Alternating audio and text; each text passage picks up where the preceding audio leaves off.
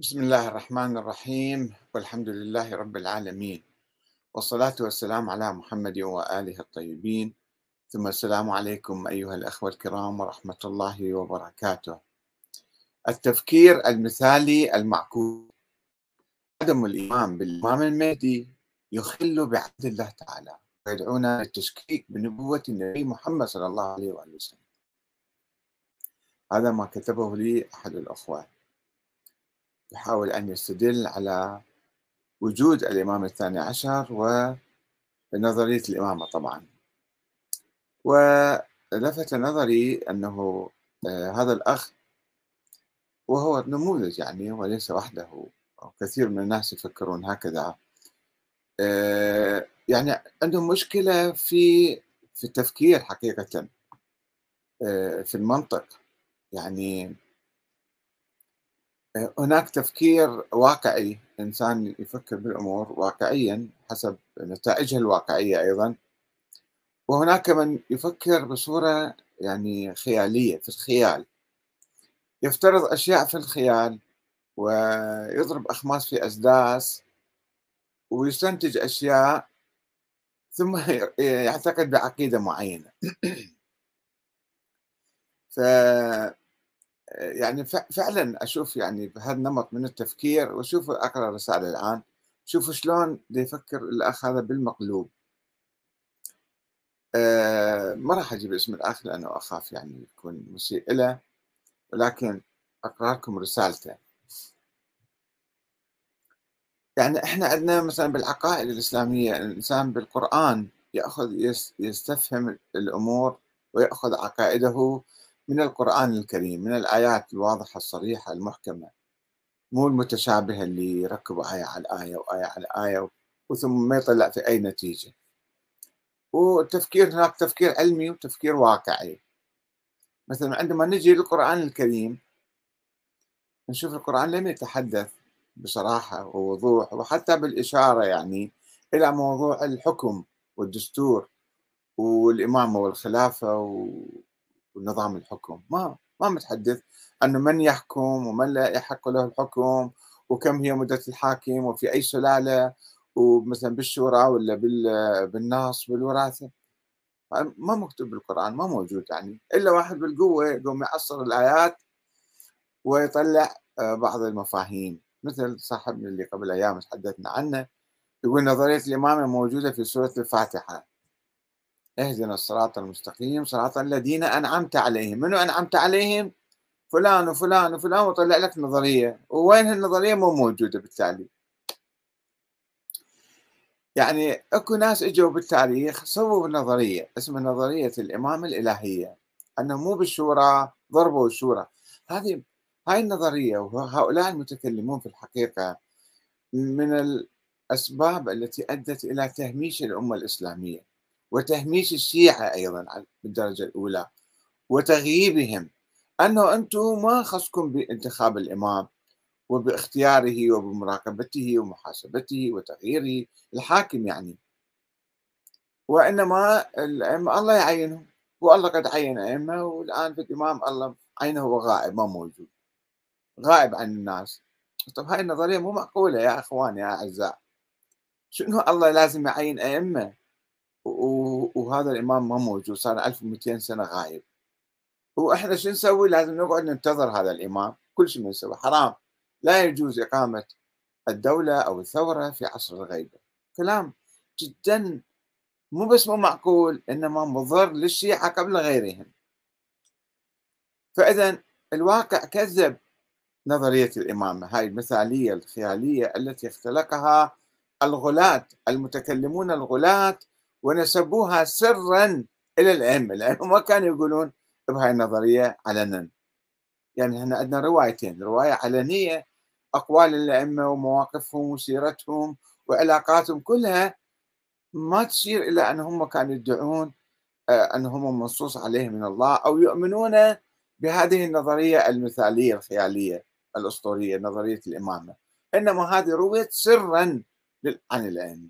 والواقع كذبها. وصلت إلى طريق المسدود وانقرضت وراحت. والآن الشيعة في العراق خصوصا يتبعون نظاما مدنيا ديمقراطيا. هم ينتخبون الإمام. وفي إيران مثلا نفس الشيء كان هو نظام ديمقراطي مدني ولكن ركبوا ولاية الفقيه عليه. يعني المرجعية على هذا النظام الديمقراطي فصار النظام فيه شوية دكتاتورية في استبداد يعني. وهمشوا أو فرغوا آه، المفاهيم الديمقراطية والمؤسسات الديمقراطية في إيران مثل مجلس الشورى.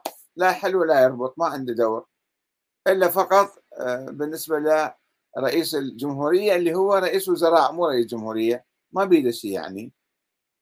وبعض القوانين يسووها. فعموما الشيعة في كل مكان الآن يشاركون في الأنظمة الديمقراطية. وهذا يعني عمليا إذا إحنا وصلنا إلى هذا الشيء. بعد ليش نظل نتمسك ونستميت في الدفاع عن نظرية تاريخية منقرضة وما موجودة ويستحيل تطبيقها؟ نظرية مثالية خيالية كانت هي نظرية الإمامة. ونعتقد إحنا إذا ما آمنا بهذه النظرية بعد إحنا مو شيعة. والشيعي كما يقول السيد سامي البدري هو الذي يؤمن بنظرية الإمامة. لا يا عمي يا سيد سامي الإمام الشيعي الشيعي هو الذي يسير على خط أهل البيت في العدل والحق والشورى والالتزام الدقيق بحقوق الناس. هذا هو الشيعي. وليس الذي يؤمن بنظرية آه، خرافية أو لا يؤمن. هاي ما لها علاقة بواقع العمل واقع الناس. فلا بد من إعادة النظر في هذه النظرية في الحقيقة وتعزيز وترشيد وتطوير الأنظمة الديمقراطية في بلادنا الآن. هذه الأنظمة التي توحد الناس. النظريات الطائفية هي التي تفرق الناس ولا تزال مخلفاتها تفرق بين الناس. هاي المخلفات الطائفية أنه اللي ما عنده ولاية هذا أعماله باطلة ولو أنفق من الأرض ذهبا وصلى وصام وزكى وحج وكل شيء سوى هذا يروح يروح للنار بعدين. واللي آه، اللي عنده ولاية مهما ارتكب من جرائم وسرقات ونهب وكذا فهذا ما دام عنده ولاية الله يوديه بالجنة. كلام غير منطقي ولا يتفق مع القرآن الكريم. فإذا لكي نتخلص آه، من الطائفية والتفرقة بين الأمة نتخلص من الاستبداد اللي ركب على أساس النظريات التاريخية البائدة علينا أن نعيد النظر في هذه الأمور. ونشوف الأخ الآن شنو يقول لنا كتب لي رسالة يقول أحمد الكاتب حديث الأئمة من بعدي 12 12 إماما هل تراه أكذوبة؟ لا هذا حقيقة ثابت 100% هكذا يقول يعني رغم توارده عند الشيعة والسنة هذا حديث وارد عند الشيعة والسنة فأنت ليش تكذب هذا؟ ربما نحن شوية يتوقف يتأمل لأنه في اختلاف بال بالأحاديث اللي عند السنة والشيعة آه، الحديث خبر آحاد مو متواتر. خبر آحاد عند السنة أنه سيكون بعدي 12 خليفة أو 12 أميرا ثم يكون الهرج. مو يعني الخلفاء والأمراء ينتهون ب 12 واحد. شوفوا شلون سياق الحديث أيضا يختلف. رغم أنه هذا حديث موضوع ومكذوب ولكنه لا يتحدث عن حصر الأئمة في 12 واحد. والشيعة عندهم 12 إمام بأسمائهم. غير شكل يعني مو مو ما علاقة أمراء يكونوا ولا خلفاء يحكمون ولا ما يحكمون. فالموضوع مفهوم ثاني فما يتطابق هذا الحديث اللي عند الشيعة مع الأحاديث أو الحديث الموجود عند السنة فالأخ يقول ربما نحن الشيعة نذكرهم بالأسماء لكن السنة ومصادرهم تشير إلى ذلك. أنه خلفاء 12 هو يجيب يقول حديث الأئمة من بعدهم ما موجود هكذا حديث ويختلفوا في أسمائهم فما ماكو مشكلة بعد. يعني يوجد 12 خليفة خلاص هذا يستنتج من الأحاديث 12 على سبيل الفرض ليس الاثنى عشر الذين نحن نقول بهم بأسمائهم. لكن الخلافة ممتدة بعد رسول الله ولا تنقطع. هذا يعني يريد يستفيد من هذا الحديث أن الخلافة والإمامة مثلا آه، تستمر. هكذا يفهم من الحديث هذا. يبقى الفترة الزمنية للإمام الثاني عشر. عنده مشكلة ثانية الأخ هو يعترف يعني يقر بالكلام هذا يقول شلون الآن وين الإمام الثاني عشر؟ الفترة الزمنية للإمام الثاني عشر هو الحلقة المفقودة التي يجي يحل المشكلة يعني يرجع المشكلة هذه. يقول هاي الحلقة المفقودة يعني الإمام الثاني عشر. إما أن نقر بوجود المهدي ابن الحسن العسكري أو هو لم يولد فرضا بعد فرضا. أنه لو نعترف بوجوده ولاته لو لا من نعترف. آه، إذا كان لم يولد يعني ما ذنب الأجيال التي لا يوجد لهم خليفة. يعني إيش الله جاب خلفاء 11 واحد في القرون الثلاثة الأولى وبعدين إحنا ما عندنا خليفة. يعني مشكلة كبيرة راح تصير. شنو ذنبنا اللي إحنا ما عندنا خليفة؟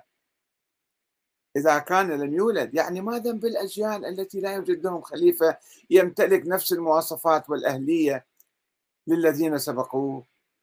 فهذا حصل مشكلة كبيرة وهذا يخل بعدل الله. ليش الله طال ذلك إلا ما أنطانا؟ بل سيدعونا للتشكيك حتى بنبوة محمد صلى الله عليه وسلم. شوفوا وين وصل الأخ هذا. من الفرضيات المثالية الخيالية والأحاديث الضعيفة. أولا يا أخي العزيز نبيل أجيب اسمك الأول يعني. يا أخ نبيل يعني أول شيء أنت الدين لازم تأخذه من القرآن مو من الأحاديث. لا أحاديث السنة ولا أحاديث الشيعة. الدين والعقائد الأساسية وتفكيرك العدل لازم يقوم على القرآن. القرآن جاء موجود فيه عقيدة توحيد الله تعالى والإيمان بالآخرة والنبوة والأنبياء. وفي آه، عبادات صلاة وصوم وحج وزكاة وفي أيضا قوانين وفي قيم أخلاقية وقصص آه، السابقين. ما في كلام عن السياسة والحكم ونظام الحكم. فأنت ليش تفترض أن الله يجب أن يعين أئمة وعين 11 واحد والآن ليش ما عندنا إمام؟ فهذا راح يخل بعدل الله. طيب شوي التفت إلى كلامك. أرجوك يعني نبيل شوي التفت للكلام. يعني كلامك في حقيقة اللي استوقفني عند الأخ آه، رسالة الأخ نبيل نقاط عديدة. أولا يقول يعني هذا إجماع في عند السنة والشيعة على الحديث فإذا إحنا بعد ما لازم آه، نشكك بالحديث هذا. ليش أنت لماذا تراه أكذوبة هذا الحديث؟ آه، أقول له يا أخي العزيز إجماع السنة والشيعة لا لا يشكل دليلا حتى لو آه، اجمع مو بس السنة والشيعة المسيحيين واليهود والمجوس والبوذيين والهندوس على شيء إجماعهم ليس حجة. إذا شفنا هذا الإجماع خلاف الواقع. إذا شفنا هذا الإجماع مثلا السابقون حتى بين السنة والشيعة كانوا يعتقدون أن الأرض مسطحة. أجمعوا. يعني شنو إجماعهم؟ صار حجه علينا. إحنا بعدين اكتشفنا أن الأرض لا مدورة أو بيضاوية مثلا. مو مو مو مسطحة. فلا نقول لا ما يصير مثل ما ابن باز وغيره كانوا يقولون يرفضون أن الأرض مسطحة وبعضهم كان يفتي حتى بتكفير من لا يؤمن بذلك. ليش هو هو مؤمن بأحاديث تقول كذا وكذا؟ وأي واحد يخالف الحديث حتى لو كان هذا الحديث مخالف للواقع. أو أن الأرض مثلا آه، تقف على قرن حوت على قرن ثور والثور على حوت. هذه أسطورة ما موجودة. يعني كانوا يصورون الأرض. يعني مسطحة وواقفة على قرن ثور. والثور واقف على حوته وعلى ما أدري شنو. هاي خرافات أساطير. فيعني حتى لو وردت هاي الرواية عند السنة والشيعة فيجب علينا أن نؤمن بها لأنه وردت عند السنة والشيعة. فاجماع مو حجة إجماع على باطل وإجماع على خرافة على أسطورة مو حجة. مثلا عندنا شيء آخر السيد جعفر مرتضى العاملي رحمة الله عليه كتب كتاب حول رد الشمس للإمام علي وطبعوه مكتب السيد السيستاني قبل كم سنة. هذا يقول رد الشمس للإمام علي. مو مرة ومرتين 60 مرة ردت الشمس للإمام علي. دائما كان يشي اشر بيدي والشمس تروح وترجع. وإجماع وجايب مصادر من السنة والشيعة. عشر سنين صارت من عمره حتى يثبت هذه الأسطورة. أسطورة رد الشمس اللي كانت عند اليهود. وآثارهم باقية في بابل في الكفل قرية الكفل. هناك مقام رد الشمس للنبي ما أعرف منه اللي كان ذيك الأيام موجود وحتى منارتهم منارة اليهود حتى اليوم موجودة. منارة يهودية شوفوا تختلف. اكتبوا بال بالإنترنت. رد الشمس بابل تطلع لكم منارة شيعية أو إسلامية ومنارة يهودية لأنه مقام يهودي أساسا. فركبوا على الإمام علي. الإمام علي مر من هناك وردت الشمس له هناك.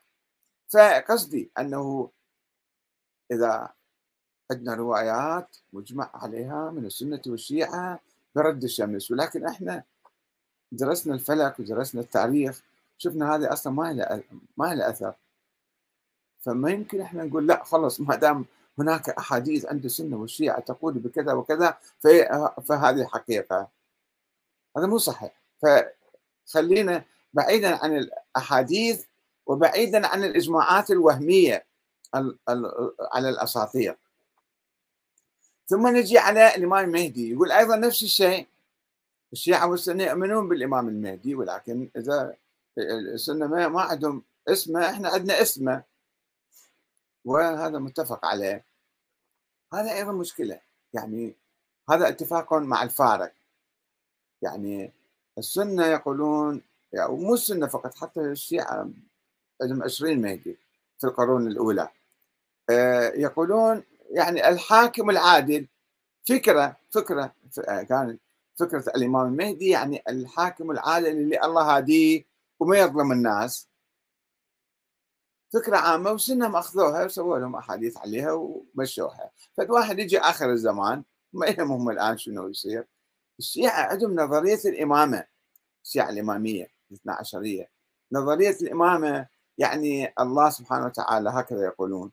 يجب أن يعين أئمة وحكام للمسلمين من بعد رسول الله إلى يوم القيامة. ويوصلون للإمام الحسن العسكري اللي هو قال أنا ما عندي أولاد. قال لا هذا تقييد يسوي الإمام العسكري. عنده ولد بالسر. طيب عنده ولد بالسر. وينه؟ يقولون بعد شوي راح يطلع. بعد كم سنة؟ بعد 10 سنين 20 سنة 30 سنة 40 سنة 70 سنة ما طلع. طلع المهدي الفاطمي وراها. ورا 40 سنة طلع الامام المهدي الفاطمي وأقام الدولة الفاطمية. فليش هذا خايف من العباسيين؟ وذاك ما يخاف. هم إمام شيعي إمامي. إسماعيلية إمامية كانوا. شيعة إمامية افترقوا عن موسى بن جعفر وقالوا لا إسماعيل.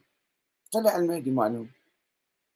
وطلعوا عبر التاريخ أيضا عشرات الناس ادعوا المهدوية وأقاموا دول وحكومات. في المغرب وفي السودان وفي ما أدري وين. ف المشكلة الثاني عشر مو قصة المهدوية مالته إنه هو مهدي لو مو مهدي. هسه أول شيء خلينا نثبت وجوده بعدين نقول هذا إمام ونقول هذا مهدي ونقول هذا مستمر بالحياة. لا المشكلة إنه الامامه وين صارت؟ مو تقولون نظرية الامامه والله ما يصير يترك الناس بدون إمام مثل ما هذا الأخ الآن. يقول يعني شلون الله يعين لذلك أئمة وهذا ما يعين يعني ما ما موجود امام فهذا ينافي عدل الله يخل بعدل الله تعالى بس يدعونا للتشكيك حتى بنبوة محمد صلى الله عليه وسلم.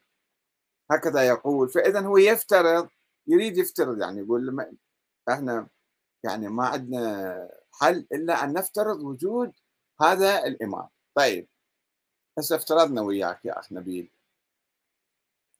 افترضنا وياك أنه الآن موجود طيب صار 1200 سنة. هذولاك الأئمة السابقين مثلا كانوا يهدون الناس كانوا يرشدون يفتون يعلمون الناس. مثلا ولو بعض الأخوة استشكلوا قالوا وين علمهم وين كتبهم؟ هسه خلينا نقول هم كانوا يتحدثون مع الناس ويهدوهم ويرشدوهم ويعلموهم ويحكمون أحيانا. صحيح؟ وهذا حسب نظرية الإمامة. طيب هذا الإمام اللي صار 1200 سنة. لا يتكلم لا يكتب كتب. كتب كتب ألف كتاب وذبه بين الناس يصير يعني من يعرفك بريد رسائل بريدية. سابقا الشيخ المفيد قال أو نسب إليه يعني أنه جاني أعرابي وجايب لي رسالة قال هذا من واحد إمام مهدي كتبها وذاك أملاها وهذا كتبها وجاب لي إياها. هاي الرسائل المعروفة على الشيخ المفيد. طيب الآن بريد. اكتب رسالة ودزها للبريد للعلماء لكل مكان. آلاف الرسائل ممكن تبعثها إلى كل الشيوخ توجههم وتعلمهم وتبين الموقف الصحيح. ليش أكو اختلاف بين علماء الشيعة؟ بالفقه وبالعقيدة وبكل شيء. فأنت اكتب رسائل ودزها لهم حتى تهديهم. شنو شغلك؟ شنو عملك؟ غير هداية الناس؟ هذا لطف الله مو شكل لطف الله. يعني لازم يكون بدورة. طيب الآن إنترنت. فضائيات واتساب كل شيء مكتوب إيميل. أكتب لك إيميل و... و... واتصل بالناس. فلماذا لا يقوم بهذا الدور؟ هذا صار تناقض. يعني أنت قاعد تفترض يا أخ نبيل وجود هذا الشخص الإمام الثاني عشر ابن الحسن العسكري وإذا ما موجود راح تنقلب الدنيا راح يخل بعدل الله. وراح تشك بالنبي محمد. طيب هذا الآن عمليا هو ما موجود. فلماذا لا تشك؟ عمليا ما موجود ولا يقوم بأي دور. يقولون خايف لماذا لا يظهر هو خايف؟ طيب هذه الكتب والبريد والإيميل والفضائيات والواتساب ما يحتاج واحد يكون يعني معروف حتى يخاف. ما يخاف ما حد ما يسوي له شيء. ولكنه لا يقوم بهذا الدور. فإما هو دا يناقض المهمه المعطاة له وإما أصلا هو ما موجود. وهذا أكبر دليل واقعي على أنه ما موجود هكذا إنسان. هذا أسطورة خرافة فرضية. ناس إجوا افترضوا قالوا والله هاي نظرية الإمامة إحنا نؤمن بها ونظرية الإمامة آه، لازم تستمر إلى يوم القيامة. فشفنا الحسن العسكري صحيح قال أنا ما عندي أولاد ولكن ما نقدر نصدق الحسن العسكري. لازم إحنا نقول هذا تقية نفسر كلامه نقول هذا تقية وهناك ولد بالسر موجود. وهذول النواب الاربعه قالوا إحنا شفناه. خلص بعد. ما دام قالوا إحنا شفناه فصار حقيقة كأنه. شوف شلون هذا تفكير مقلوب. يعني بدل ما ينطلق من الواقع يجي يقول يابا إحنا الآن صار 1200 سنة ما عندنا إمام. ما موجود هذا الإمام ولم يقم بأي دور. فإذا هذا ما موجود. يعني مو سنة وسنتين وثلاثة يمكن واحد يغيب. بس مو 1200 سنة. إيه قالوا لا هو الله طول عمره. من قال لك الله طول عمره؟ منين جبت لك؟ هاي فرضيات خيالية. الدين ما ما يبتنى على الفرضيات الخيالية يبتنى على الحقائق العلمية. من وين الله قال لك راح يطول عمره هذا؟ حتى لو جبت لي حديث لو جبت لي مو حديث مو ألف حديث مو عشرة آلاف لو جبت لي ملايين الأحاديث الأحاديث لا تنتج شيئا. هاي الأحاديث كلها ما بالشط ما تساوي شيء. لأنه ما تنتج حقيقة خارجية. بالتالي أنا مريض مثلا أحتاج إلى طبيب. وتجيب لي أحاديث والله هناك طبيب غائب. أقول لك أنا مريض الآن أحتاج إلى علاج. إلى عملية مثلا. شنو واحد طبيب غائب؟ شو يفيدني طبيب غائب؟ فإذا هذا لا يوجد هكذا طبيب. لا يوجد هكذا إمام. و ما ذنبنا الآن اللي ما يقوم بدوره. إذا هذا كلام متناقض. شوي لو تلتفت أخ نبيل. أنت رجل مثقف وقاري يبدو شوية. فنعيد النظر بكل هالمسائل حتى نوحد بين المسلمين وحتى نتحرر من أولئك الذين يأتون بعد ذلك ويقولون نعم نحن امتداد للإمامة. درس له كم كتاب مثلا الله يعلم درس له ما درس. وأنا أشك بكثير من يدعون الاجتهاد بحقيقة أنهم مو أخباريين أقرأ لكم حديث ولا عنده علم أصول ولا عنده عقيدة ولا عنده قرآن ولا عنده أي شيء يقول لك أنا صرت مجتهد. صرت مجتهد وأنا نائب الإمام وأنا ولي أمر المسلمين وأنا الحاكم الشرعي. من سواء حاكم شرعي؟ هذا استبداد أنت قاعد تبني دكتاتورية على فرضيات وهمية خيالية ما أنزل الله بها من سلطان. فلكي نتحرر الشيعة نفسنا أول شيء نتحرر من سيطرة ما يسمى برجال الدين أو المراجع وبالتالي نتخلص من هذه النظريات المثالية الخيالية الأسطورية البائدة والمنقرضة ونتحد مع بقية المسلمين ونحب بعضنا بعضا ونتعاون مع بعض بلا طائفية وبلا أحقاد وبلا أفغان وبلا عداوات ولا ولا مشاكل.